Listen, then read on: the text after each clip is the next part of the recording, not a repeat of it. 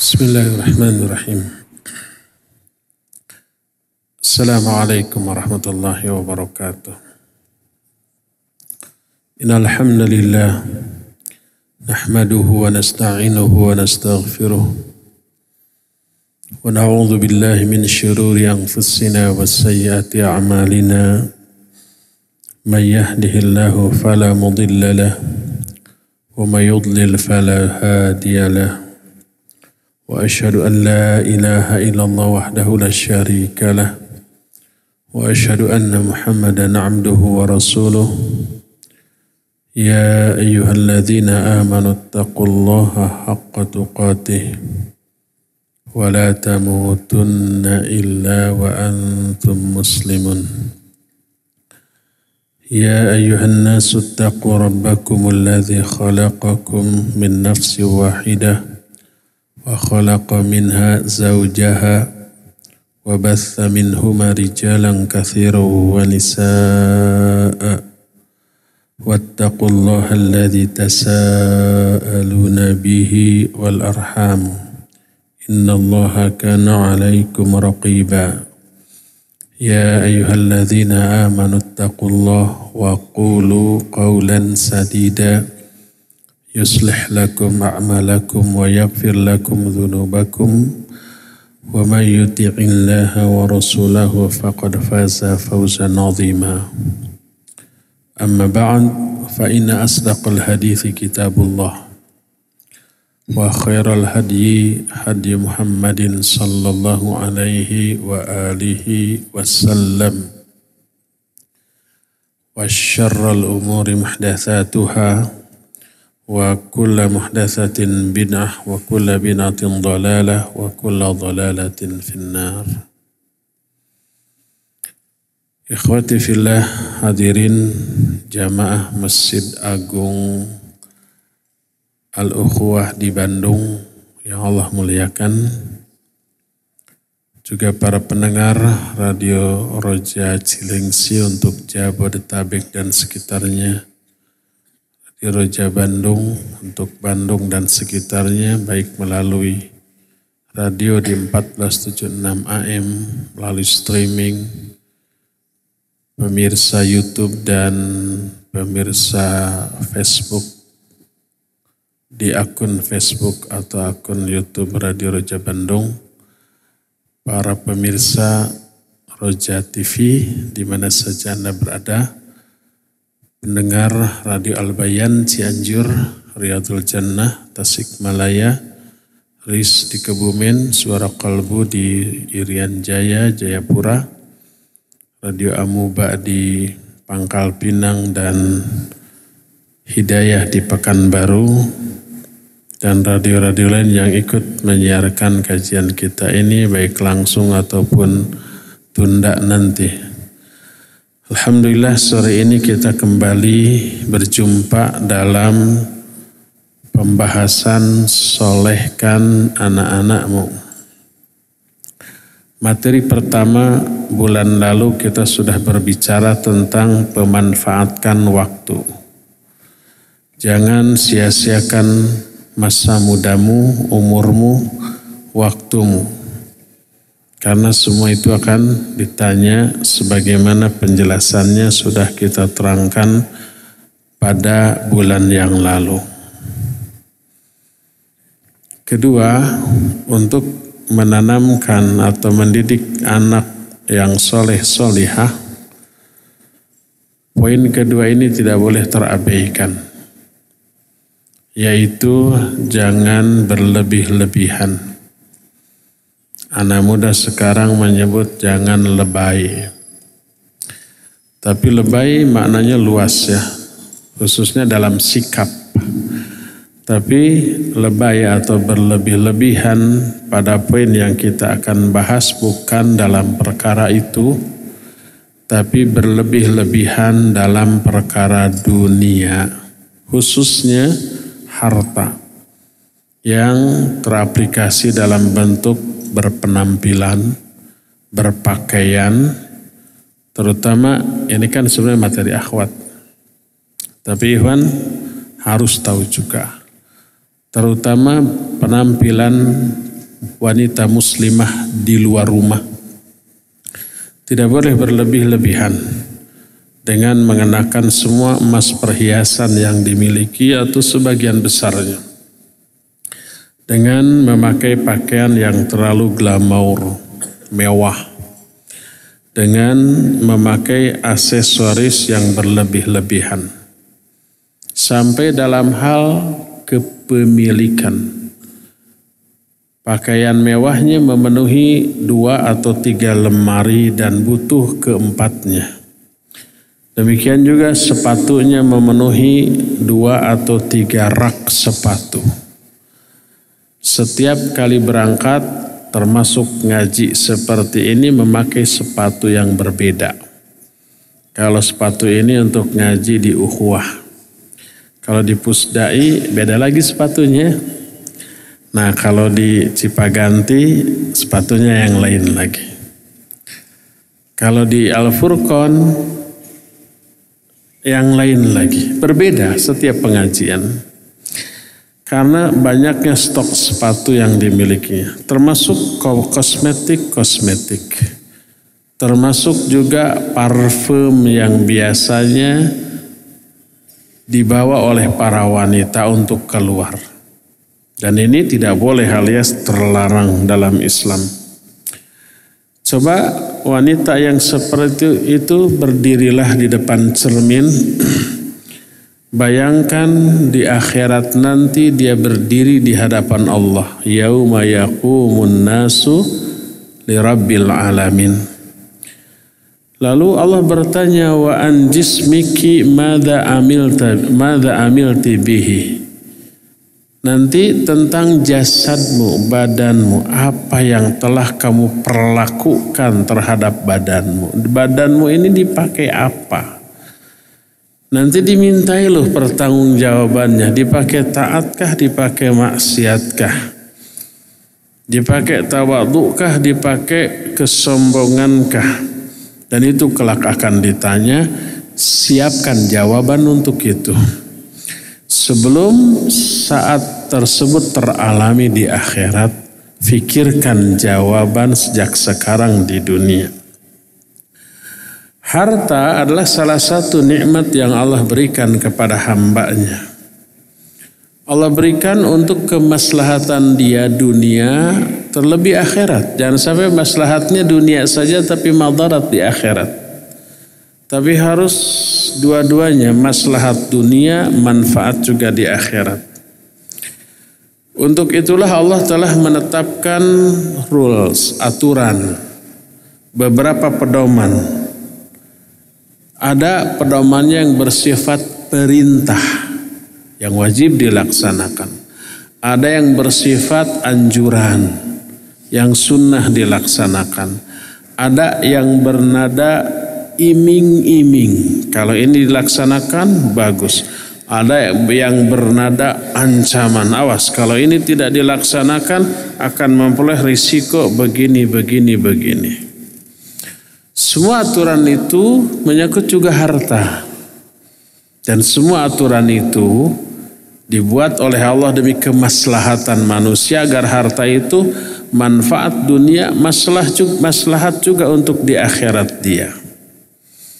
Salah satu ayat yang bernada perintah Allah Allah berfirman wa atidhil qur wa atidhal qurba haqqahu wal miskina wabna sabil wa la tubadzir tabdzira berikan sebagian dari hartamu kepada kerabat hak mereka. Demikian juga orang-orang miskin. Demikian juga ibnu sabil. Dan jangan kamu memubazirkannya dengan sebenar-benarnya mubazir. Di sini satu ayat ada satu perintah, satu larangan. Dua-duanya menyangkut harta. Perintahnya berikan sebagian hartamu kepada orang lain ada. Orang yang berhak atas hartamu. Yaitu kerabat. Yaitu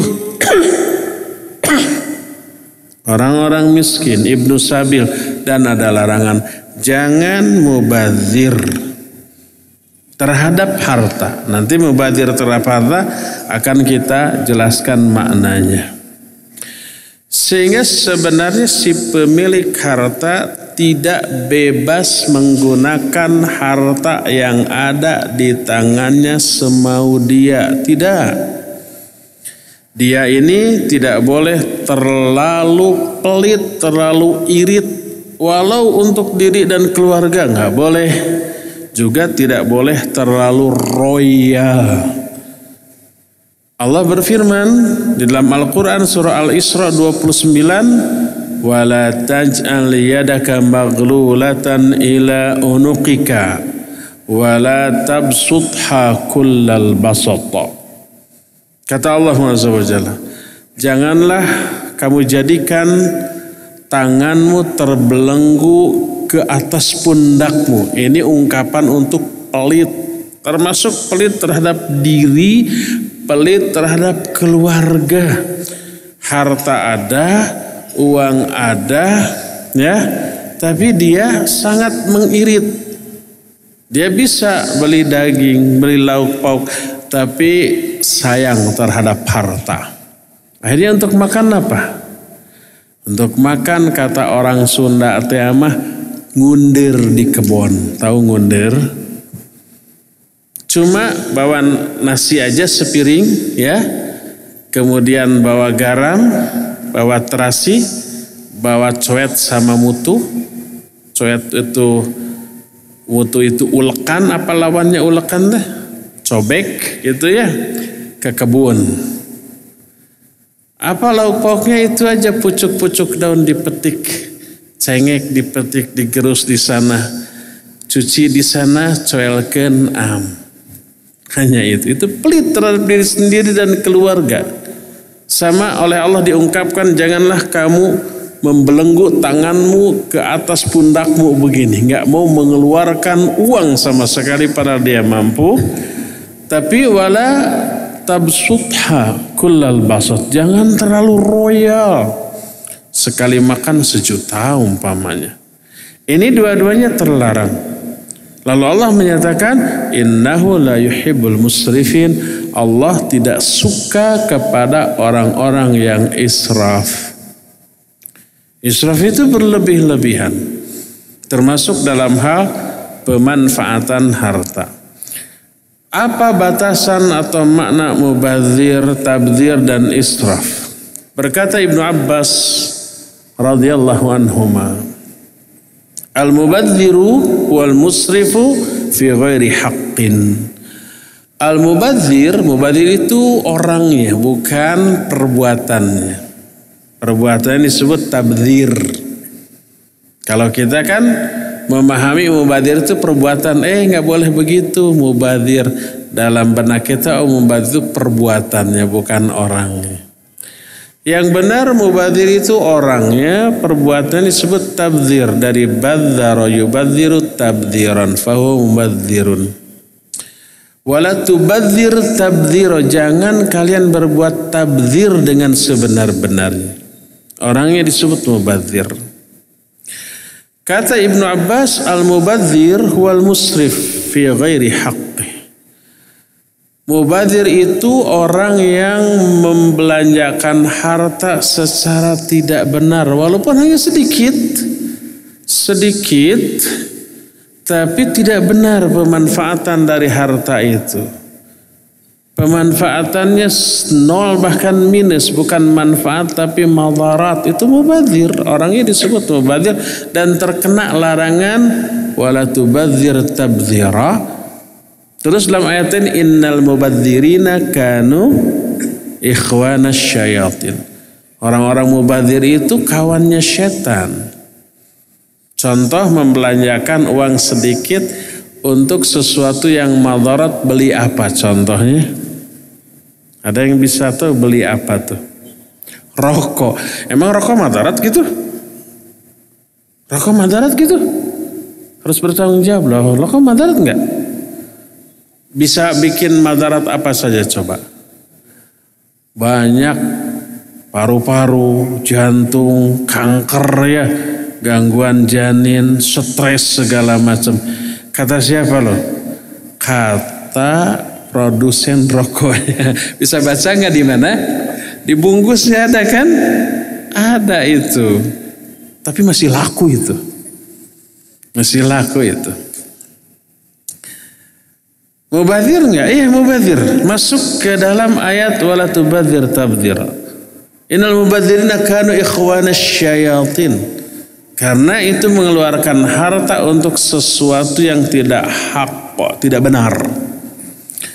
Berkata Ibnu Mas'ud radhiyallahu an, "At-tabdzir infaqul mal fi ghairi haqqi." Tabdzir itu adalah menafkahkan harta secara tidak benar. Walaupun hanya jumlah yang amat sangat sedikit. Beli pepetasan paling seribu atau seribu juga dapat tiga ya. Peledak gitu ya. Itu maslahat apa madarat? Madarat. Beli itu tabzir apa tidak? Iya tabzir. Karena dibelanjakan secara tidak benar. Ya. Makanya para ulama menyatakan fa infaqul mal fi ghairi haqqin ayyakana yu'andu israf. Kata mereka menafkahkan harta secara tidak benar apa pun bentuknya dan apa pun apa barang yang dibelinya itu dianggap israf dan tabdir. Tabdir tidak hanya dalam jumlah yang banyak berlebih-lebihan dari batasnya? Enggak. Walaupun banyak jumlahnya tapi itu maslahat dan manfaat? Ya boleh. Mengundang umpamanya seribu orang fakir miskin. Diberi makan. Satu porsinya satu orangnya satu porsinya lima puluh ribu. Ada dagingnya ada lauknya ada sayurnya ada kerupuknya. Sebab makan tanpa kerupuk sepi ada buah-buahannya, ada cendolnya umpamanya 50 ribu cukup ya? Cukuplah. Anak yatim yang biasanya makannya hanya dengan gepuk, gep kerupuk, gep kerupuk. Sekarang dengan gepuk beneran. Dengan daging beneran. Jumlahnya banyak sampai seribu. Tabzir tidak. Tidak, tidak tabzir. Karena itu manfaat tergedor hati anak-anak yatim. Meleleh itu air matanya. Lalu berdoa menggedor pintu langit untuk orang-orang yang memberikan makanan itu kepada mereka. Itu tidak tabdir walaupun berlebih-lebihan jumlahnya sangat banyak karena maslahat dan manfaat oleh karena itu walaisa kama yadhunnul ba'du annal israf la yakunu illa fi hafalatif zufaf ya au fi syira'i thawb. Tidak seperti yang diduga banyak orang bahwa israf itu tidaklah terjadi kecuali hanya dalam pesta pernikahan yang meriah dalam arti yang banyak makanannya di sana. Kalau memang tamu yang diundang banyak maka masa makanan yang disediakan sedikit. Atau nanti banyak yang nggak kebagian ya. Diundang seribu orang undangannya seribu orang berapa porsi makanan yang minimal harus disiapkan? Minimal 2000 porsi atau 3000 porsi sebab satu orang yang diundang belum tentu datang sendiri ya. Mungkin datang dengan istrinya dengan anaknya kadang-kadang sekeluarga satu mobil. Ayo perbaikan gizi. Kadang-kadang begitu. Yang diundang satu orang yang datangnya satu mobil itu. Maka kalau ngundang seribu nyiapin konsumsi seribu kelabakan itu. Berkata Rasul sallallahu alaihi wa alihi wasallam, jangan sampai kita menjadi seperti orang yang diterangkan dalam hadis yang sahih ini. Beliau bersabda, "Syiraru ummati alladzina ghadaw fi, fi na'im alladzina ya'kuluna alwana at-ta'am wa yalbisuna alwana thiyab wa yatashaddaquna fil kalam." Sejelek-jelek umatku kita kan mengaku umat Nabi SAW. Jangan sampai masuk ke dalam jenis orang yang diterangkan dalam hadis ini Sejelek-jelek umatku adalah orang yang bergelimang dalam kenikmatan yang selalu memakan berbagai macam jenis makanan, memakai berbagai macam jenis pakaian wa tashaddaquna fil kalam dan selalu mengindah-indahkan ketika berbicara. Membagus-baguskan ketika berbicara. Lebay sekedar untuk semua ini ya untuk menarik perhatian orang untuk menarik memancing apresiasi orang kepada kita.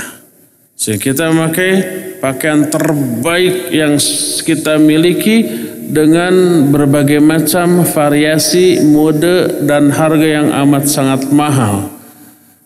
Yang branded yang orang semua tahu cap tersebut adalah produk yang mahal umpamanya ya kemudian ketika berbicara lebay dalam arti dia indah-indahkan kalimatnya nadanya semuanya untuk menarik perhatian orang. Nah itu sejelek-jelek umatku, kata Nabi SAW.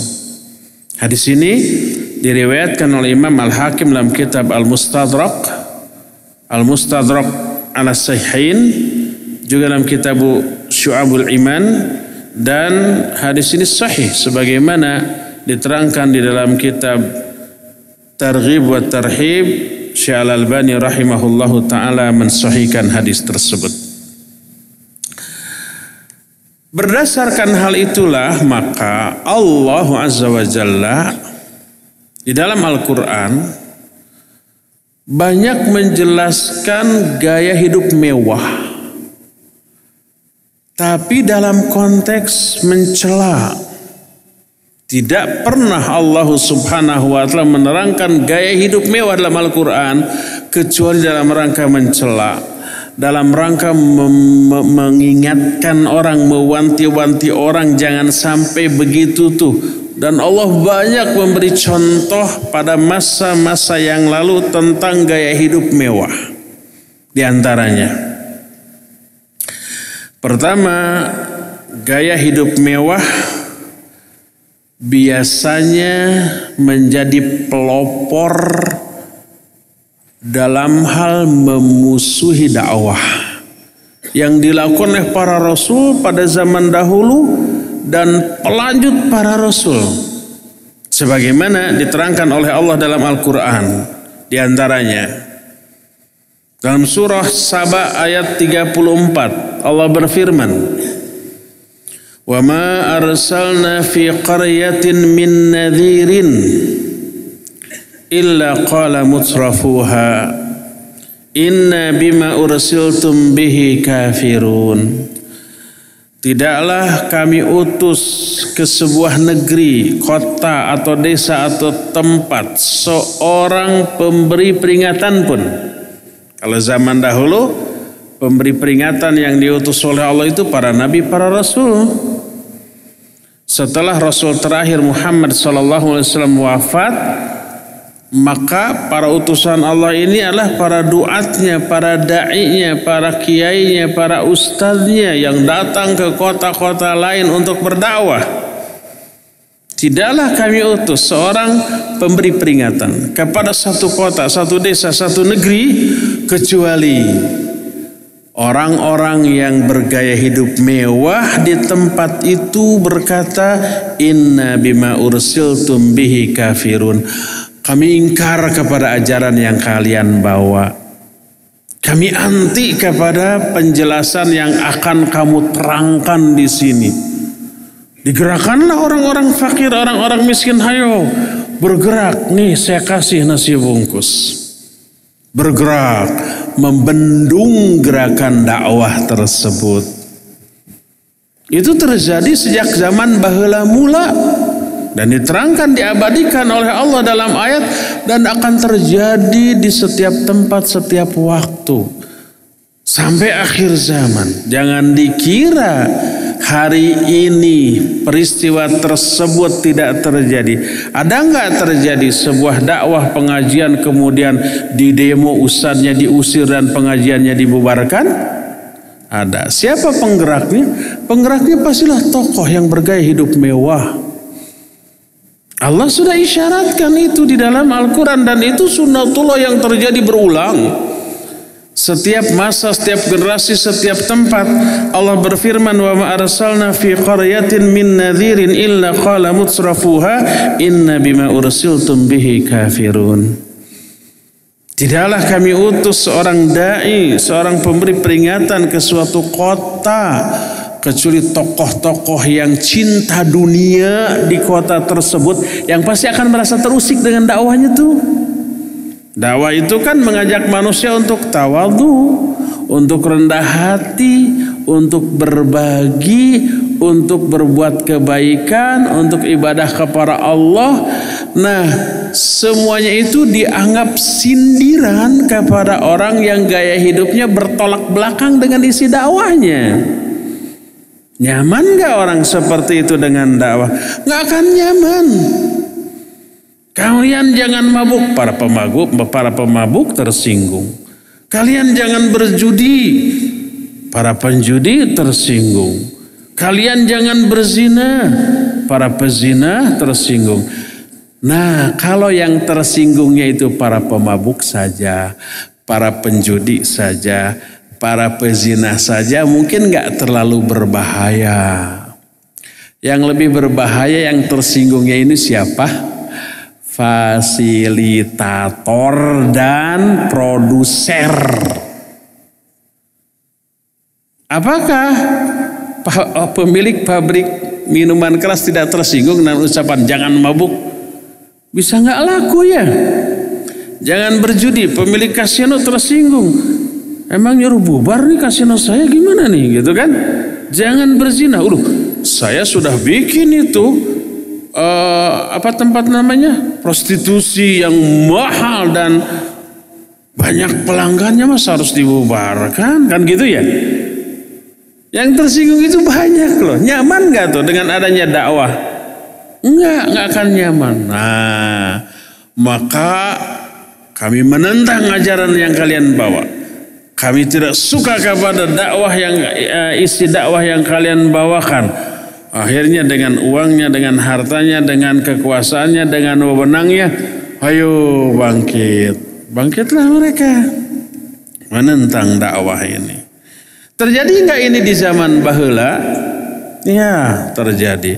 Terjadi nggak di beberapa ratus tahun yang lalu? Ya, terjadi nggak di beberapa puluh tahun yang lalu? Ya, terjadi nggak di beberapa hari yang lalu? Ya, dan akan terjadi beberapa hari yang akan datang di mana-mana. Jadi gaya hidup mewah, cinta dunia termasuk salah satu di antara penyebab Lancangnya manusia menentang kebenaran, menentang para da'i, para dai baik di kalangan para rasul dari sejak zaman dahulu ataupun kalangan manusia biasa yang mengemban risalah yang pernah diemban oleh para rasul. Yang memikul tugas yang dahulu pernah dipikul oleh para rasul yaitu dakwah. Kedua, Gaya hidup mewah termasuk salah satu penyebab dihancurkannya manusia dan kehidupannya. Kalau yang bergaya hidup mewah itu pribadi, dia akan dihancurkan secara pribadi. Kalau yang bergaya hidup mewah ini satu komunitas, satu komunitas itu akan Allah binasakan. Kata siapa? Allah yang menyatakan demikian dalam Al-Quran. Coba umpamanya dibuka dalam Al-Quran Surah Al-Isra ayat ayat 16 Allah berfirman Wa idza aradna an nuhlika qaryatan amarna mutrafiha fafasaqu fiha fahaqqa alaihi alaiha alqawlu fadammarnaha tadmira Kata Allah, apabila kami ingin menghancurkan suatu negeri, aduh, kita khawatir negeri kita, kota kita ini termasuk yang diincar oleh Allah untuk dihancurkan. Wal Allahumma sallimna ya Allah selamatkan kami. Kata Allah, bila kami akan menghancurkan suatu negeri, kami akan perintahkan kepada orang-orang yang bergaya hidup mewah di negeri itu untuk apa? Fafasaku untuk berbuat kefasikan di dalam negeri tersebut. Disuburkanlah perjudian, disuburkanlah prostitusi, disuburkanlah mabuk-mabukan, disuburkanlah tempat-tempat kemaksiatan dan dipublikasikan secara terbuka. Allah perintahkan kepada mereka untuk berbuat fasik, maknanya Allah ilhamkan kepada hati-hati mereka untuk berbuat fasik. Kok tega-teganya ini bahasa kita ya? Kok tega-teganya Allah mengilhamkan kepada manusia untuk berbuat fasik. Kenapa? Kenapa tidak memberi hidayah yang baik? Hmm. Al jazau min min jinsil amal. Mungkin nggak kita ngasih hadiah, kita ngasih gaji kepada orang yang tidak bekerja, Ya nggak mungkin lah kalau kita umpamanya memberi gaji kepada setiap orang secara merata yang bekerja diberi gaji umpamanya 3 juta yang yang kerjanya kerja keras 3 juta asal-asalan 3 juta yang tidur-tiduran 3 juta yang tidak bekerja juga semua 3 juta. Kita disebut baik apa tidak? Ya nggak baik nggak adil lah tuh kalau memang semuanya rata 3 juta semua yang bekerja keras, yang asal-asalan, yang tidur-tiduran, yang nggak kerja sama sekali pun dikasih rata, itu tidak mendidik, itu tidak adil, itu nggak bagus, itu nggak baik, itu tidak layak disebut bager ini orang nggak. Ya. Tapi kalau sebaliknya kerja keras dikasih 10 juta, yang setengah keras dikasih cuma 5 juta, yang asal-asalan dikasih cuma 2 juta, yang malas-malasan dipecat. Terus yang bukan bekerja tapi kemudian mengganggu orang-orang yang sedang bekerja diusir karena mengganggu. Adil tidak? Adil. Bagus tidak? Bagus. Nah, itu manusia. Apalagi Allah Azza wa Jalla yang maha adil. Afanaj'alul muslimina kal mujrimin? Malakum kaifa apakah kami akan menyamakan afanaj'alul muslimina kal mujrimin? Akan menyamakan antara orang yang muslim yang pasrah yang taat tunduk patuh kepada aturan Allah dengan orang-orang durhaka? Ya enggak lah Apakah kami akan berikan hidayah kami secara merata kepada orang yang takwa, kepada orang durhaka dibagi merata? Ya enggak lah, enggak adil ya. Al jaza'u min jinsil amal. Kalau Allah memberi hidayah itu pasti balasan atas kebaikan yang dia lakukan sebelumnya. Kalau Allah mencabut hidayah dari seseorang itu pasti karena balasan atas kemaksiatan yang dia lakukan sebelumnya. Kalau Allah memberi dorongan kepada orang untuk berbuat maksiat, itu hukuman Allah bagi dia karena kemaksiatan dia yang dia lakukan sebelumnya loh. Nah, ada orang yang bergelimang hidup dalam kemewahan, lalai dari akhirat, Allah ilhamkan dia untuk berbuat fasik. Dosa, maksiat ya. Sebagai hukuman atas kelalaian dia dari akhirat, lalai dari menunaikan hak-hak Allah Subhanahu wa taala. Makanya begitu cara Allah ingin menghancurkan suatu negeri. Kalau di suatu negeri sudah banyak terjadi kemaksiatan, dosa dan seterusnya, wah itu tanda itu akan dihancurkan oleh Allah Subhanahu Itu kalau negerinya muslim. Pasti ada yang bertanya, itu negeri-negeri kafir itu isinya maksiat melulu ya. Tapi kok nggak dihancurkan-hancurkan terus gitu ya? Apakah bertolak belakang dengan penjelasan tadi? Enggak. Semakin mendukung menyempurnakan nanti akan kita bahas di belakang. Bila waktunya masih ada. Allah berfirman, Wa idza aradna an nuhlika qaryatan amarna mutrafiha fafasaqu fiha fa haqqa 'alaiha al-qaul.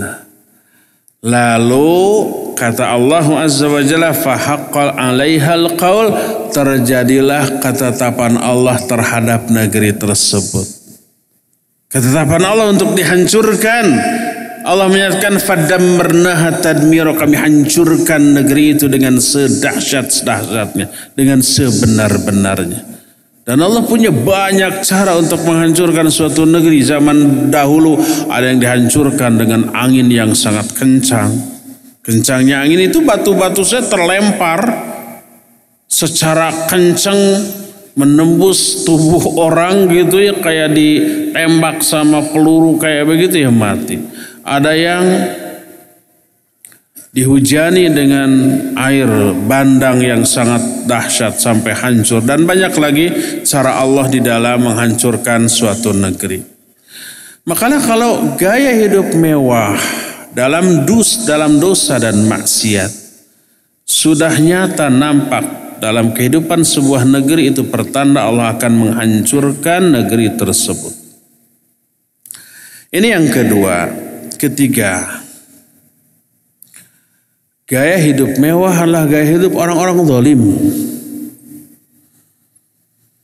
Allah berfirman di dalam Al-Quran tuh di dalam surah Hud ayat 116 kata Allah wattaba'al ladzina zalamu ma utrifu fi wa kanu mujrimin ada tiga poin yang tersirat di dalam dari ayat ini Allah berfirman, lalu orang-orang zalim. Orang-orang zalim lebih cenderung kepada kemewahan yang mereka miliki dan mereka wakanu mujrimin, orang-orang yang berbuat dosa, orang-orang durhaka. Poin pertama yang tersirat dari ayat ini adalah bahwa ya Kezaliman mendorong orang untuk lebih memilih gaya hidup mewah. Allah menyatakan. Orang-orang zalim hanya mengikuti cenderung condong kepada gaya hidup mewah yang ada pada diri mereka. Kalau umpamanya kita menghayalkan menjadi orang yang hidupnya mewah, segeralah istighfar. Itu isyarat ada kezaliman dalam diri kita. Kenapa kita cenderung kepada uh, gaya hidup mewah? Allah mengisyaratkan alladna zalamu orang-orang yang zalim, orang-orang zalim mengikuti apa? Ma usrifu fihi. Gaya hidup mewah yang ada di, di lingkungan mereka cenderung condong ke sana. Ini isyarat adanya keinginan untuk hidup mewah itu sebagai indikasi kita termasuk orang zalim. Sebagaimana yang disyaratkan oleh Allah dalam ayat ini apa yang terjadi? Wakanu mujrimin dan mereka pakai kanu fi'il madhi masa yang telah lalu. Itu karena dosa-dosa yang dilakukan oleh mereka. Jadi karena dosa Larangan Allah banyak dilanggar, perintah Allah banyak dijauhi, diabaikan. Maka lahirlah karakter zalim dalam diri orang tersebut lalu mendorong dia untuk lebih cenderung kepada gaya hidup mewah. Maka ini indikasi yang menunjukkan hidup kita ini dia berada di ujung tanduk. Bahaya karena bisa Tadi sudah disebutkan Allah akan hancurkan orang-orang yang bergaya hidup mewah. Terus orang-orang yang bergaya hidup mewah cenderung untuk menentang dakwah, menentang kebenaran. Sebab dakwah dan kebenaran mengkritisi gaya hidup mewah. Mengkritisi orang-orang yang hidup dalam gelimang kemewahan. Siapa yang suka dikritik seperti itu? Akhirnya menentang dakwah itu ya. Yang lebih mengerikan lagi bal huwa min asbabi dukhulin nar. Bahkan gaya hidup mewah termasuk salah satu di antara penyebab orang itu masuk ke dalam neraka wal billah. Coba perhatikan surah yang akrab di telinga kita, bahkan mungkin di mulut kita Sebagian ikhwan akhwat banyak yang hafal surah ini. Sebagian kecil tapi. Sebagian besarnya tidak. Surah Al-Waqiah Allah berfirman wa ashabus shimali ma ashabus shimal. Apa arti as ashabus shimal? Golongan kiri. Golongan kiri ini ahli mana? Ahli neraka. Dan golongan kiri sungguh celaka orang-orang yang ada di golongan kiri ini. Kenapa celaka? Fi samumin wa hamim wa dhillin miyahmum. Mereka berada dalam samum, hamim dan dhillin dari yahmum. Nah, bayangkan. Dahsyatnya azab neraka bisa ter terlihat di sini. Apa itu samum? Samum itu angin. Apa itu hamim? Hamim ini air. Wa dhillin miyahmum dhillin itu naungan, teduhan. Miyahmum dari awan. Bayangkan. Orang golongan kiri akan dapat angin, dapat air, dapat naungan.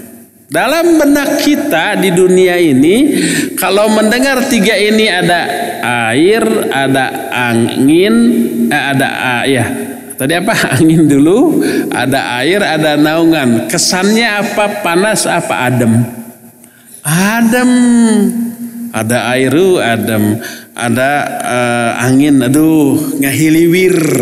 Ngahiliwir teh sepoi-sepoi gitu ya kalau lagi gerah kita umpamanya berteduh di bawah pohon ada air di depan kita sambil berendam kaki di air yang sejuk, ada angin bertiup sepoi-sepoi nikmat apa tidak? Nikmat. Tapi kau ini di neraka. Kau bisa nikmat. Nah, samum walaupun ini adalah angin, angin yang super panas. Apa pun yang terkena bisa terbakar karenanya saking panasnya. Hamim juga air tapi air yang puncak panasnya. Saya nggak tahu berapa derajat puncak panasnya air 100 derajat. 100 derajat mah ketika air mulai mendidih ya. Di atas itu mulai menguap dan seterusnya. Ini puncak panasnya. Yang apabila neraka air itu diteteskan satu tetes air ke embun-embunan, ke ubun-ubun, itu tembus itu terus masuk ke dalam, menghancurkan seluruh organ tubuh dalam, kemudian jatuh lagi ke bawah. Itu panasnya air di dalam api neraka. Waliyadzubillah. Samum tuh kayak gitu. Jadi ashabus shimal golongan kiri berada dalam samum, berada dalam hamim. Hamim ya. Samum adalah angin yang sangat panas. Hamim adalah air yang sangat panas. Wadhillim yahmum dan naungan dari yahmum. Yahmum adalah awan hitam pekat yang sangat panas pula. Siapa pun apa pun yang ada di bawahnya kena panasnya itu gosong hancur luluh seluruhnya. Bayangkan bila perkara yang ketika ada di dunia bikin Adam seperti angin, seperti air, seperti naungan. Di dunia ini bikin betah, bikin Adam. Tapi ketika ada di dalam neraka itu sangat mengerikan. Anginnya sangat panas. Airnya sangat panas, naungan awannya sangat panas. Bayangkan bagaimana apinya. Jauh lebih panas enggak? Ya iyalah. Ini yang akan teralami oleh ashabus shima. Ma ashabus shima. Fi samumin wa hamim. Wa dhillim yahmum. La baridi wa la karim. Tidak ada kesejukan. Tidak ada rasa dingin. Tidak ada kesejukan. Kenapa mereka sampai bernasib seperti itu? Innahum kanu qabla dhalika mutsrafin. Karena dahulu mereka pada waktu dalam kehidupan di dunia mereka itu bergaya hidup mewah. Apa terlarang gaya hidup mewah sampai gaya hidup mewah itu uh, diazab dengan itu? Bukan gaya hidup mewahnya yang mengakibatkan itu. Tapi gaya hidup mewah itu tadi tuh menyebabkan orang itu menolak dakwah, menolak kebenaran. Gaya hidup mewah itu menjerumuskan orang kepada dosa dan maksiat. Gaya hidup mewah itu menyebabkan orang lalai dari akhirat dan yang sejenisnya. Karena itulah maka mereka Diancam, diazab dengan azab yang tadi dijelaskan. Dikasih angin, dikasih air, dikasih naungan. Tapi seluruhnya berada pada puncak yang sangat panas. Maka fahasibi nafsaki ya ukhtaya. Hisablah dulu dirimu wahai saudariku qabla an tuhasabi sebelum kamu dihisab pada hari kiamat. Maka fikirkan dulu ketika engkau mau membeli sesuatu alakil hajah, perlu nggak sesuatu itu? Apakah sesuatu itu sesuatu yang mesti untuk apa? Apakah sekedar untuk pamer? Sekadar untuk dilihat, dinilai bagus, diapresiasi bagus oleh orang. Coba persiapkan terlebih dahulu jawaban kalau ditanya kelak di akhirat oleh Allah dari mana uang yang kamu pakai untuk membeli ini? Lalu setelah kamu beli benda ini kamu pakai untuk apa? Siapkan dua jawaban itu kalau siap dan jawabannya bagus, benar silahkan lakukan. Umpamanya kita habis kuli, dapat uang lah 20 ribu. Cepat-cepat ke warung, beli beras. Kalau nanti ditanya, dari mana uang 20 ribu? Kuli barusan nih, keringatnya masih belum kering. Beras ini untuk apa? Untuk memberi makan anak dan istri. Jelas nggak jawabannya? Jelas. Baik apa bagus? Dua-duanya ya baik ya, bagus. Silakan lakukan. Gitu kan?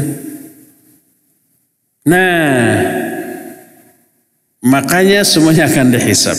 Berkata Syekh bin Baz rahimahullahu taala, ketika ditanya, hal sahihun anal insana yuhasabu yaumal qiyamah ani thawbil ladzi yalbisuhu.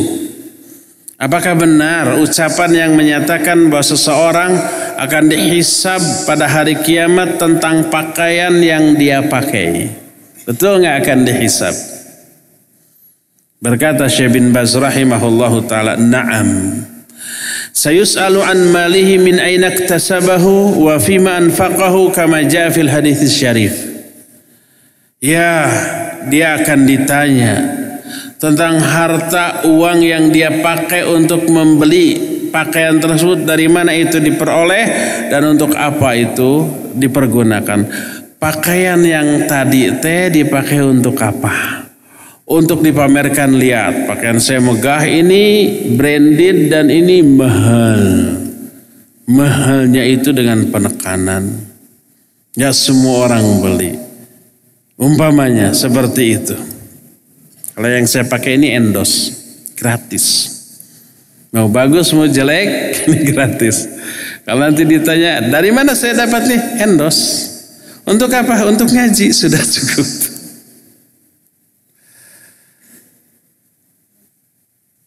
Kalau umpamanya seseorang mau memakai pakaian dalam rangka menutup aurat. Tapi selain menutup aurat, fungsi atau niat menutup aurat adalah sesuatu yang bagus. Tapi ada lebih dari itu untuk pamer dan seterusnya ingat keadaan di akhirat. Kita di akhirat itu dikumpulkan dalam keadaan berpakaian apa telanjang? Telanjang, semuanya telanjang. Terus akan diberi pakaian enggak? Ya akan. Satu demi satu. Dimulai dari orang yang paling layak terlebih dahulu. Apa hadiahnya? Ada yang tahu nggak siapa orang yang pertama kali dikasih pakaian di akhirat? Siapa? Nabi Ibrahim. Iya, barakallah. Enggak ada hadiah. Apa-apa ya. Nabi Ibrahim alaihissalatu wassalam. Terus nanti beberapa manusia lain akan diberi satu demi satu berdasarkan apa? Amal soleh yang mereka lakukan. Di alam masyar kelak. Makin banyak amal soleh maka makin awal dia diberikan pakaian tersebut. Makanya apa yang dilakukan oleh para sahabat Nabi Ali Shallallahu Wasallam dengan hartanya zaman dahulu dengan badannya dengan waktunya dengan semua yang dimilikinya seluruhnya berlomba untuk menggunakan semua itu untuk menghasilkan ridho Allah dan pahala. Ketika ada seruan untuk infak dan sedekah Abu Bakar As-Siddiq datang dengan membawa seluruh hartanya. Ketika ditanya, "Ma'ab li ahlik?" Apa yang kamu sisakan untuk keluargamu? Jawab Abu Bakar apa? Abqaitu lahumullah lahumullah wa rasulah. Aku sisakan untuk mereka Allah dan Rasul. Cukup. Umar setengah dari harta banyak sekali. Kata Nabi SAW, ma'abqaita li ahlik. Apa yang kamu sisakan untuk uh, keluargamu? Dia bilang, abqaitu lahum mithlah Aku sisakan untuk mereka sebanyak ini pula. Setengah hartanya dia lakukan, dia dia infakkan setengahnya untuk keluarganya. Kalau Abu Dahdah salah seorang sahabat memiliki apa? Memiliki kebun kurma yang luas, subur dan panen yang amat sangat melimpah. Itu harta yang saat itu paling paling paling berharga. Berbeda dengan harta zaman sekarang ya. Ketika turun ayat dalam surah Al-Hadid man dzalladzi yuqridullaha qardan hasana fayudha'ifahu lahu wa lahu ajrun karim. Siapa orang yang memberikan pinjaman yang baik kepada Allah, maka hartanya akan dilipat gandakan bagi dia di dunia dan di akhirat baginya akan peroleh pahala yang amat sangat mulia. Yang dimaksud memberikan pinjaman yang baik kepada Allah itu infak, sedekah. Kenapa diistilahkan dengan istilah memberi pinjangan yang baik? Karena menurut aturan Allah setiap pinjaman itu wajib, wajib, wajib dikembalikan. Wajib dibayar.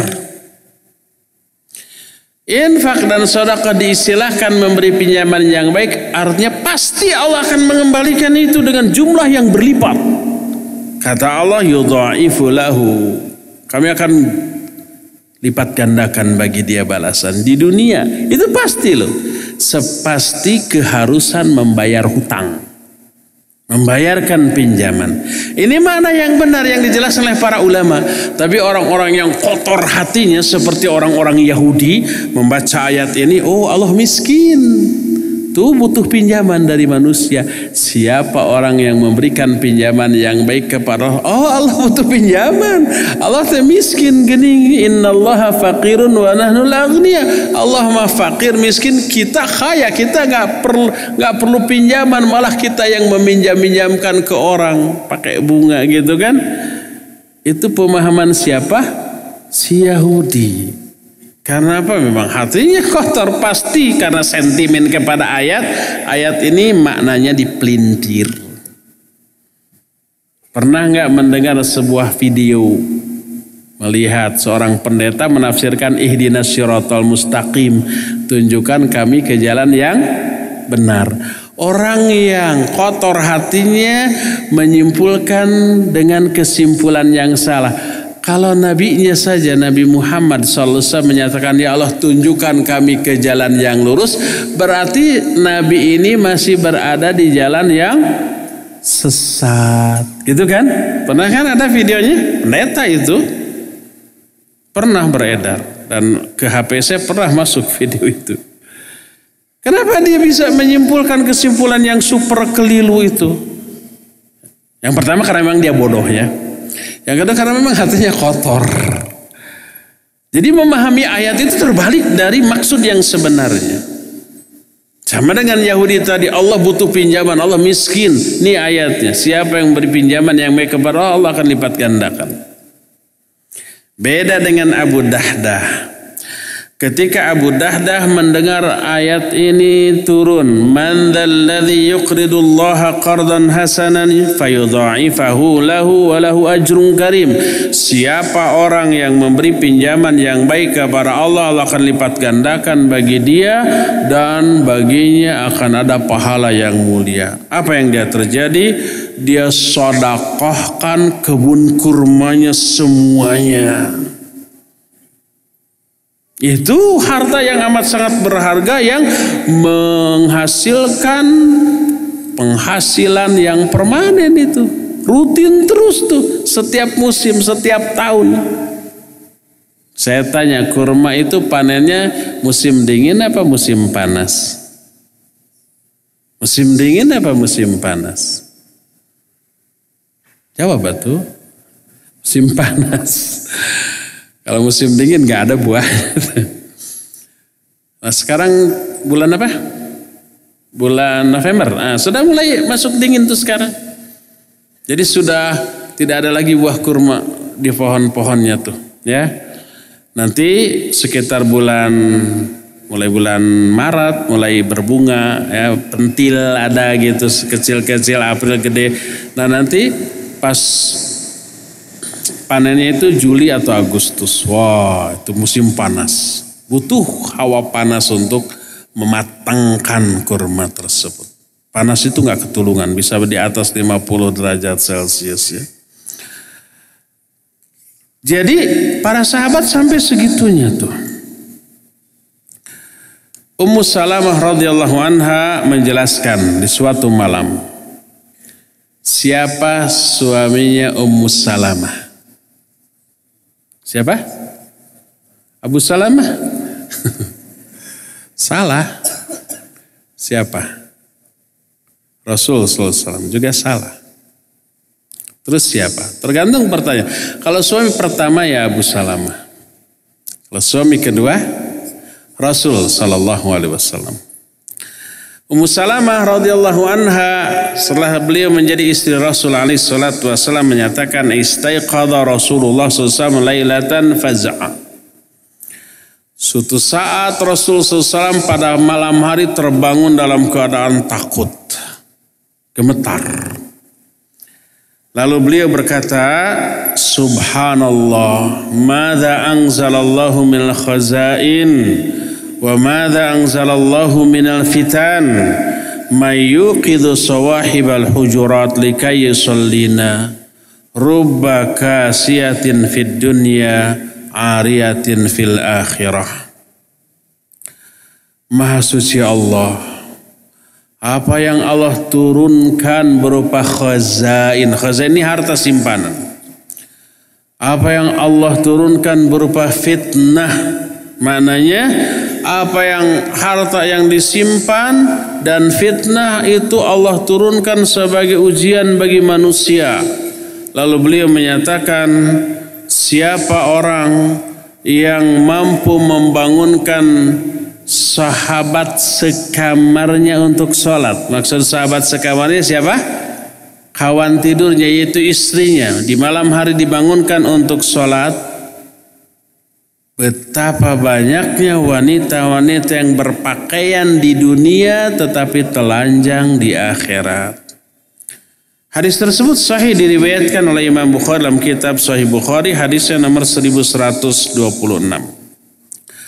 Berkata Imam Ibnu Battal ketika menjelaskan hadis ini, berkata Al-Mulahib, Al-Mulahib salah seorang ulama ahli hadis, beliau menyatakan, Fa akhbaro anna fima futiha minal khazain fitnatul malabis. Fahadzaro alaihi salatu wasalam azwajahu wa ghairahunna وغيرهن أيفتن في لباس رفيع الثياب التي يفتن بها النفس في الدنيا رقيقها وغليظها وحذرهن التعاري يوم القيامة منها من العمل الصالح. وحظهن بهذا القول أن يقدمن ما يفتح عليهن من تلك الخزائن للآخرة. وليوم يحشر الناس أراتا Fala yuksa illal awal fal awal fi ta'ah was sadaqah wal infaq fi sabilillah faman arada an tasbiqa ila ilaihi al qiswah falyuqaddimha li akhiratihi wa la yadhhabu tayyibatihi fid dunya wa liyarfa'aha ila yaumil qiyamah kata al-mulahib dalam hadis ini Rasul sallallahu alaihi wasallam memberi kabar tentang harta-harta yang bisa menimbulkan fitnah berupa fitnah pakaian. Lalu beliau mewanti-wanti para istrinya dan wanita-wanita lain agar tidak terfitnah oleh pakaian. Agar jiwa mereka tidak terfitnah oleh dunia beserta gemerlapnya dan umumnya, ini umumnya, fitnah dunia bagi para wanita adalah pakaian. Karena pakaianlah sesuatu yang sehari-hari dipakai. Dan nampak terlihat oleh semua orang. Kalau perhiasan kadang-kadang tersembunyi ya. Kalung tersembunyi oleh pakaian. Gelang juga tersembunyi. Cincin bagi ahwat yang pakai kaos tangan juga tersembunyi. Tapi kalau pakaian adalah sesuatu yang tidak bisa disembunyikan. Perhiasan yang memang tidak bisa disembunyikan. Ya. Dan itu yang dimaksud dengan fitnah khazain. Maka jangan sampai jiwa ini terfitnah oleh hal itu. Beliau pun mewanti-wanti jangan sampai para wanita telanjang di akhirat karena kosongnya orang itu dari amal soleh dan menganjurkan para wanita untuk lebih mengedepankan menomorsatukan apa yang bisa bermanfaat bagi mereka di akhirat pada hari ketika seluruh manusia dikumpulkan dalam keadaan telanjang maka tidaklah manusia diberi pakaian kecuali satu demi satu berdasarkan ketaatan mereka, sodakoh mereka, infak mereka di jalan Allah. Maka siapa yang ingin berlomba-lomba dalam hal berpakaian, maka berlombalah untuk meraih pakaian terlebih dahulu di akhirat. Bukan untuk di dunia. Kejar tuh, berlombalah untuk lebih mewah, megah kehidupannya di akhirat, bukan di dunia. Karena di dunia sifatnya sementara. Sifatnya nisbi, dan ada masa akhirnya dan kadarnya amat sangat rendah dan kecil. Adapun kemewahan, kemegahan, kebahagiaan di akhirat abadi dan kadarnya amat sangat luar biasa yang tidak bisa terjangkau oleh indera kita. Allah berfirman, "A'dadtu li ibadiyas solihin ma la ainun ra'at wa la udhunun sami'at wa la khatari ala qalbil bashar." Aku siapkan bagi hamba-hambaku yang soleh segala macam kemewahan, kemegahan, kenikmatan, kebahagiaan yang tidak pernah terlihat oleh mata, tidak pernah terdengar oleh telinga, dan tidak pernah terhayalkan atau terbersitkan dalam hati-hati manusia. Saking megahnya, kelemahan indera kita tidak mampu menjangkau bahkan menghayalkannya. Berdasarkan hal itulah maka hendaklah orang berpikiran siapa ingin berlomba-lomba untuk bermewah-mewah hendaklah berlomba untuk hidup mewahnya di akhirat, bahagianya di akhirat, berpakaiannya di akhirat, bukan dalam kehidupan di dunia. Dari Aisyah radhiyallahu anha berkata Nabi wasallam kepadaku kata Aisyah in aradtil luhuq bi fayakfiki minad dunya kazaidir rakib wa iyyaki wa mujalasatal aghniya wa la tastakhlifi thauban hatta tarqayahu. Kata Nabi SAW kepada Aisyah Hai Aisyah bila kamu ingin mengikuti aku hendaklah kamu merasa cukup dengan dunia taubahnya seperti perbekalan yang dibawa oleh seorang pengembara Gak begitu banyak kalau kalau terlalu banyak nggak keangkut, repot sendiri. Yang penting-pentingnya, yang pokok-pokoknya saja yang dibawa. Jauhi oleh kamu berkawan, bergaul, bermujalasah dengan orang-orang kaya. Bukan berarti harus memusi orang kaya, enggak. Tapi muamalah bersahabat secara dekat, jauhi karena apa? Banyak efek buruk yang ditimbulkan. Pertama bisa-bisa tidak bersyukur, bisa-bisa iri gitu ya. Lalu terbawa gaya hidup mereka, tapi kena kemampuannya tidak sama dengan mereka. Akhirnya menderita itu. Ingin gaya hidup seperti itu, tapi kemampuan seperti ini menderita enggak itu? Ya menderita banget. Jauhi, ya. Dan jangan kamu ganti pakaianmu dengan yang baru sebelum pakaian kamu itu betul-betul rusak. Ini perkataan Nabi Wasallam kepada Aisyah radhiyallahu anha dalam sebuah hadis yang diriwayatkan oleh Imam At-Tirmidzi juga Imam Al-Hakim dalam kitab Al-Mustadrak berkata Imam Al-Hakim sahihul isnad hadis ini sanadnya sahih dan Al-Baihaqi juga meriwayatkan hal dalam kitab Syu'abul Iman. Berkata Urwah radhiyallahu anha radhiyallahu anhu. Setelah mengetahui wasiat Nabi SAW kepada Aisyah tadi. Jangan kamu ganti pakaianmu dengan yang baru sebelum pakaianmu itu benar-benar rusak. Kata Urwah, "Famakanat Aisyatu tastajiddu thauban hatta tarka thaubuha wa tankisu." Walaqad jaa yauman min Muawiyah thamanuna alfan fama amshi indaha dirham. Kata Urwah, maka Aisyah tidak pernah mengganti pakaiannya dengan yang baru sampai pakaian itu robek dan rusak, nggak bisa dipakai lagi. Suatu hari Muawiyah radhiyallahu anha radhiyallahu anhu ketika Muawiyah menjadi khalifah. Muawiyah itu memberikan 80 ribu dinar, eh dirham, afan.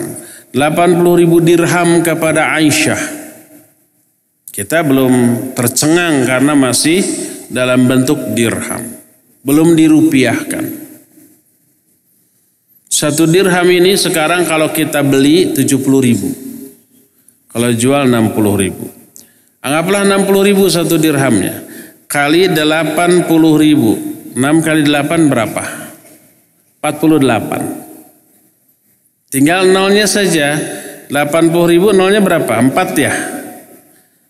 Terus 60 ribu berapa nolnya? 4. 4 tambah 4? 8. Nah 48 dengan 8 nol. Berapa tuh? Ratus juta apa miliar? Miliar ya? 48 dengan 80. Ada jago matematik di sini berarti 4 miliar 800 juta ya? Iya? Masa kalah sama saya? 80 ribu dirham. Jadi 4,8 miliar. Kalau kita bisa pingsan dikasih yang segitu tuh. Suatu saat Aisyah radhiyallahu anha diberi oleh Muawiyah 4,8 eh, miliar. Ini kalau dengan anggapan 60 ribu ya satu dirham. Kalau 70 ribu bisa 5, 5 miliar lebih. Fama amsi indah dirham kata Urwah itu nggak sampai sehari besoknya dia sudah tidak tersisa walaupun hanya satu dirham. Bukan dibelanjain loh, beli tanah, beli kebun enggak. Diapakan? Dibagi ke para fukara dan masakin. Sampai pembantunya menyatakan fahalla ishtaraita la ishtaraiti lana minha lahman bidirhan. Kenapa engkau hai Aisyah tidak memberi satu dirham saya tidak membeli satu dirham saja untuk daging untuk makanan kita. Kenapa engkau tidak membeli daging untuk makanan kita walau hanya satu dirham? Dapat nggak satu dirham? Dapat nggak 60 ribu beli daging? Dapat ya, bisa setengah kilo itu. Kalau mentahnya. Kalau matangnya ya stik, berapaan stik tuh? Paling 20 ribu ya. Bisa empat porsi. Tiga porsi lah lumayan. Kenapa engkau tidak membelikan daging walaupun hanya satu dirham untuk makanan kita? Apa kata Aisyah? Lau dzakartini la fa'alt. Seandainya kamu kemarin mengingatkan aku akan aku lakukan. Sekarang sudah terlambat, sudah habis semuanya. Untuk dirinya saja tidak ada. Wa qala berkata Urwah, ra'aituha tasaddaqa bi sab'ina alfan wa innaha la tarka'u janibu dir'iha. Aku melihat dengan mata kepala sendiri. Aisyah itu kan istrinya Rasul alaihi salatu wasallam dunia akhirat ya. Para sahabat itu tentu saja ingin berbuat baik kepada Aisyah Ummahatul mumin itu ibunda kaum mukminin semuanya. Ibunda kita semua. Kalau umpamanya kita tahu beliau menginginkan sesuatu dan kita mampu orang bisa berbondong-bondong berlomba untuk memberi ya. Dan banyak yang memberi ke Aisyah. Tapi tidak pernah bertahan lama. Kata Urwah, aku melihat dia bersodakoh dengan 70 ribu dirham. Padahal ujung pakaiannya sendiri sobek. Pakaiannya sendiri tidak diabaikan. Eh tidak diabaikan. Diabaikan, dia tidak perhatikan. Tapi uang yang sejumlah 70 ribu dirham 70 ribu aja kali berapa tadi? Katakanlah kali 70 ribu lagi 4,9 miliar gitu ya. Itu disodakohkan semuanya sampai habis walaupun dia ujung pakaiannya sendiri robek. Itu kata Urwah dan ini semuanya menyatakan bahwa para sahabat zaman dahulu lebih mengejar kemewahan di mana? Di akhirat, bukan di dunia ini. Kemewahan di dunia dia jual untuk membeli kemewahan di mana? Di akhirat. Terbalik prinsip hidupnya dengan orang sekarang. Kemewahan akhirat mereka jual untuk membeli kemewahan di di dunia walaupun kemewahan di dunia ini juga nggak dapat dapat juga ya. Kejar dunia terus nggak kejar juga. Akhirat ditinggalkan. Akhirat yang pasti didatangi ditinggalkan. Dunia yang pasti ditinggalkan di apa? Dikejar-kejar. Walaupun nggak kejar juga. Ada nggak orang ngejar dunia terus tapi tetap miskin ada? Banyak yang seperti itu. Wadakhala alaiha Abu Sa'id wa kana radian laha. Suatu saat Abu Sa'id masuk menemui Aisyah. Kok bisa? Bisa, kenapa tidak? Kok boleh? Boleh, kenapa tidak? Apakah mahram? Iya, mahram. Karena Abu Sa'id adalah saudara sesusu Aisyah. Kata Abu Sa'id, dakhaltu ala Aisyah radhiyallahu anha wa hiya tukhayyitu nuqbatan laha. Qultu ya ummal mu'minin alaysa qad awsa Allahu azza wa jalla qalat la jadida liman la khuluqalah wa kanat radhiyallahu anha idza ta'awwadat khuluqan lam tuhib an tada'ah Aku masuk menemui Aisyah radhiyallahu anha saat itu beliau sedang menjahit bajunya pakaiannya yang robek Lalu aku bertanya, wahai am umul mukminin, bukankah Allah telah meluaskan rizki bagimu? Kenapa susah-susah menjahit udah buang, beli itu gampang bagi Aisyah ya? Apa kata Aisyah? Tidak ada pakaian baru bagi orang yang berakhlak. Dan Aisyah orang yang berakhluk di sini maknanya kebiasaan kebiasaan tidak memakai pakaian yang baru. Dikatakan oleh Abu Said, "Idza ta'awwadat khuluqan lam tuhib an tada'ahu." Kalau Aisyah ini membiasakan diri dengan satu kebiasaan, maka dia tidak ingin meninggalkan kebiasaan baiknya ini. Beliau tetap ingat kepada apa yang diwasiatkan oleh Nabi sallallahu alaihi wasallam wala tastakhlifi thauban hatta tarka'iyah hatta tarka'iyaha Janganlah kamu mengganti pakaianmu dengan yang baru sampai itu benar-benar rusak. Ingat selalu, selama masih bisa dijahit, dijahit. Tidak yang baru. Inilah gaya hidup para sahabat zaman dahulu. Karena mereka lebih mengejar kemewahan akhirat daripada kemewahan dunia. Wallahu alam bisawab. Ya cukup sampai di sini saja dulu kajian kita pada sore hari ini. Kita masih punya sisa waktu untuk bertanya jawab beberapa saat ya. Setelah mengenal sunnah, saya baru sadar bahwa ayah saya seorang syiah. Innalillahi Apa yang saya harus lakukan? Bagaimana cara saya menyadarkan ayah saya? Semoga ayah saya diberi hidayah.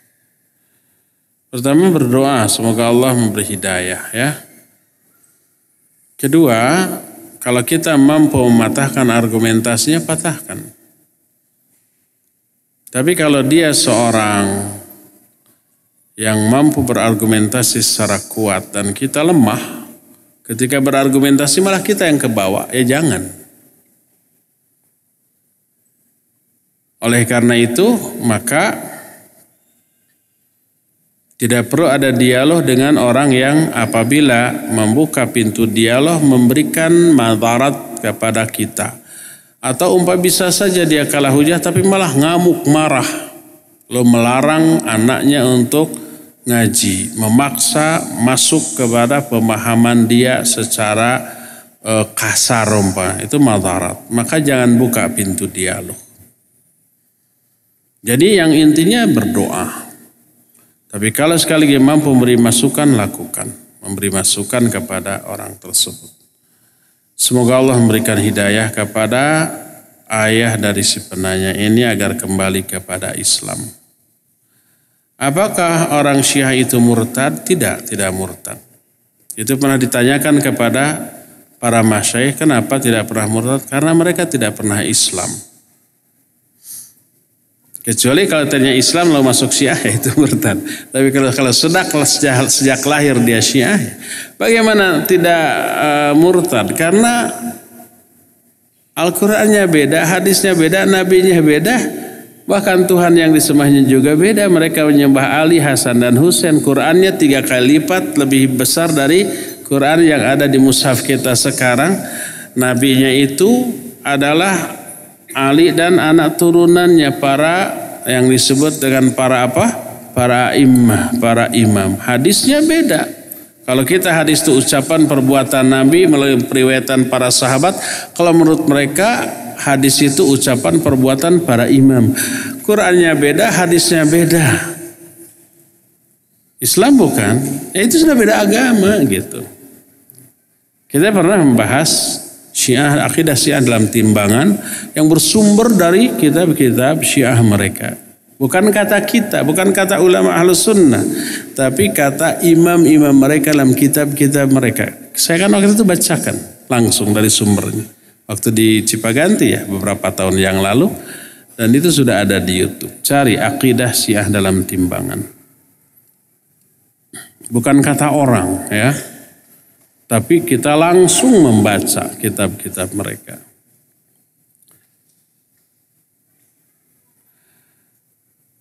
Ustadz apa yang harus saya lakukan ketika orang tua melakukan perbuatan bid'ah bahkan menjurus kepada syirik? Nasihati secara lemah lembut, secara hikmah, secara bijak, dakwahi ya.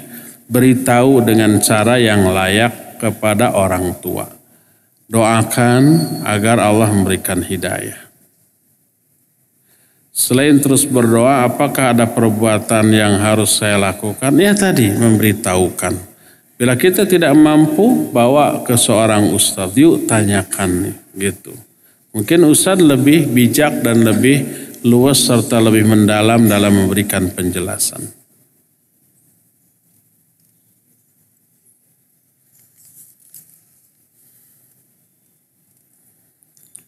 Saat ini saya sedang meminjam uang kepada teman saya untuk biaya sekolah. Qadarullah saat akan mengembalikan saya terkena musibah dan uang saya hilang. Teman tapi teman saya terus nagih padahal dia orang berada.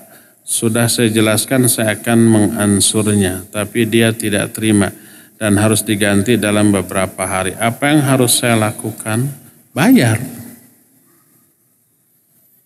ya walaupun nyicil seadanya gimana lagi kalau ada aset yang bisa dijual jual handphone jual, tapi saya nggak bisa SMS, ya nggak apa-apa, nggak bisa SMS nggak dosa, tapi nggak bayar hutang dosa. Kalau sampai mati dalam keadaan punya hutang, Nabi SAW tidak mau apa? Tidak mau menyolatkan. Menunda pembayaran hutang padahal dia mampu membayar adalah sebuah kezaliman. Kecuali kalau memang tidak mampu. Tapi umumnya batasan tidak mampu orang itu melalaikan. Saya belum bisa bayar hutang 2 juta, tapi mobil motor punya. Jual satu motor. Kebayar nggak yang 2 juta? Kebayar. Tidak punya motor dosa nggak? Enggak, tapi saya nanti motor gimana? Nggak dosa nggak punya motor. ya Bayar. Boleh nggak minta ke orang tua? Boleh, minta aja ke orang tua. Malu dong. Ya wayah nak kumaha ya tuh.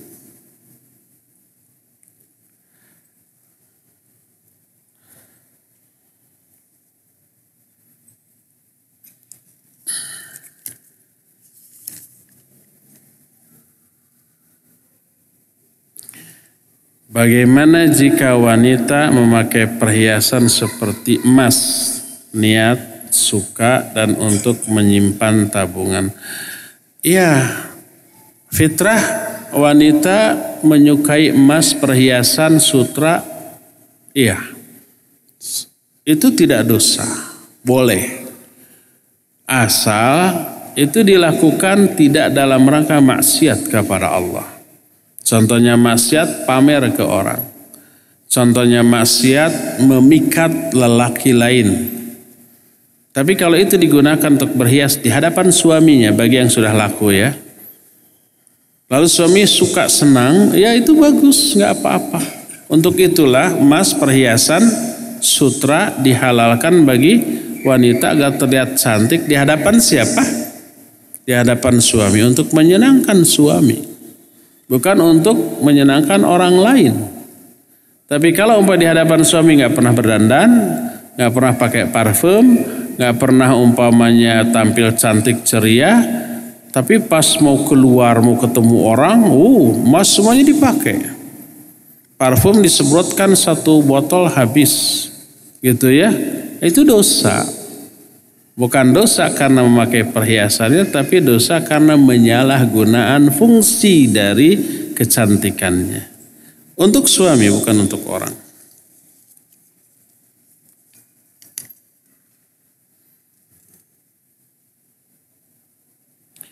Apa maksud balasan keburukan adalah keburukan? Balasan keburukan adalah keburukan setelahnya. Bukankah Allah memberikan kesempatan berbuat bertobat? Khawatir salah paham.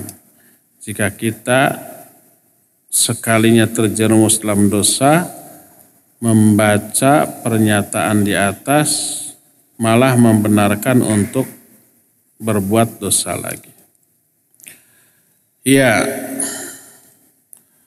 Jaza usayat as-sayyatu ba'daha. Itu pernyataan Imam Ibn Rajab dalam kitab Lataiful Ma'arif menukil ulama-ulama terdahulu. Qala ba'dus salaf. Kata beliau. Telah berkata beberapa ulama salaf zaman dahulu. Yang salaf adalah para sahabat. Jaza usayyah as-sayyatu ba'daha Balasan atas perbuatan buruk adalah perbuatan buruk lagi setelah itu. Maknanya kalau seorang terjerumus ke dalam dosa, akibatnya dia akan punya keinginan lagi untuk berbuat buruk yang lainnya setelah itu. Akan terus begitu, akhirnya keburukan kedua dilakukan. Terdorong untuk melakukan keburukan ketiga, terjerumus lagi ke, ke keburukan yang ketiga dan seterusnya. Lalu bagaimana caranya agar dia bisa tobat? Dia harus sadar, wah kok kenapa di dalam hati saya ada kecenderungan kepada dosa lagi. Tadi sudah dosa muncul keinginan untuk berbuat dosa lain. Wajib sadar Bagaimana cara caranya? Pertama tobat cepat dari dosa tadi. Dia istighfar minta ampun kepada Allah menyesal, berhenti, bertekad tidak mengulang kembali di masa yang akan datang. Kalau tobatnya itu dilakukan, keinginan untuk berbuat dosa lagi itu hilang. Kalau dia cepat sadar. Dan ini yang terjadi pada diri orang-orang bertakwa. Allah berfirman walladzina idza fa'alu fahishatan aw dhalamu anfusahum dzakarullaha fastaghfaru lidzunubihim Orang takwa lah orang yang apabila mereka itu berbuat fahisyah, berbuat keji, ini keburukan atau zalim kepada diri sendiri, mereka cepat ingat kepada Allah lalu minta ampun atas dosa-dosanya. Nah kalau sudah taubat ingat kepada Allah minta ampun atas dosanya. Allah hapus keinginan untuk berbuat dosa lagi setelah itu. Bahkan Allah berikan hidayah untuk berbuat baik setelah itu. Itu maknanya bukan berarti pembenaran.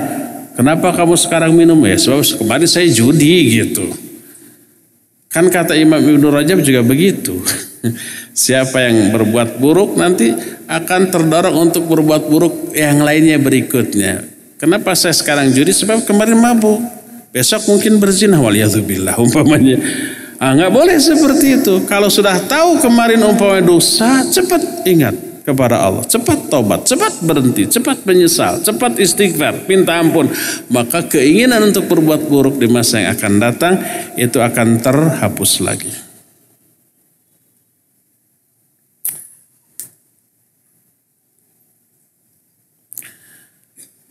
Bagaimana hukumnya ketika sedang ngobrol, lagi nongkrong, anak dan beberapa ikhwan mencoba untuk meniru-niru gaya ustad-ustad sunnah.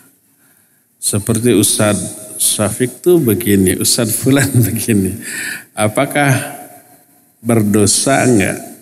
Kami ingin tobat meniru gayanya gitu. Kalau meniru dalam arti mengutip ucapan-ucapan baiknya nasihatnya bagus tentu saja ya. Tapi kalau meniru gayanya seperti ketika menjelaskan begini itu tidak salah tidak dosa. Orang banyak meniru tokoh yang diidolakannya dari segi gaya bicara dari segi itu. Tapi itu tidak mandiri. Kita tidak perlu meniru gaya orang lain. Umpamanya saya mengidolakan Syekh Fulan karena ilmunya, akhlaknya, ibadahnya dan ceramahnya yang memikat.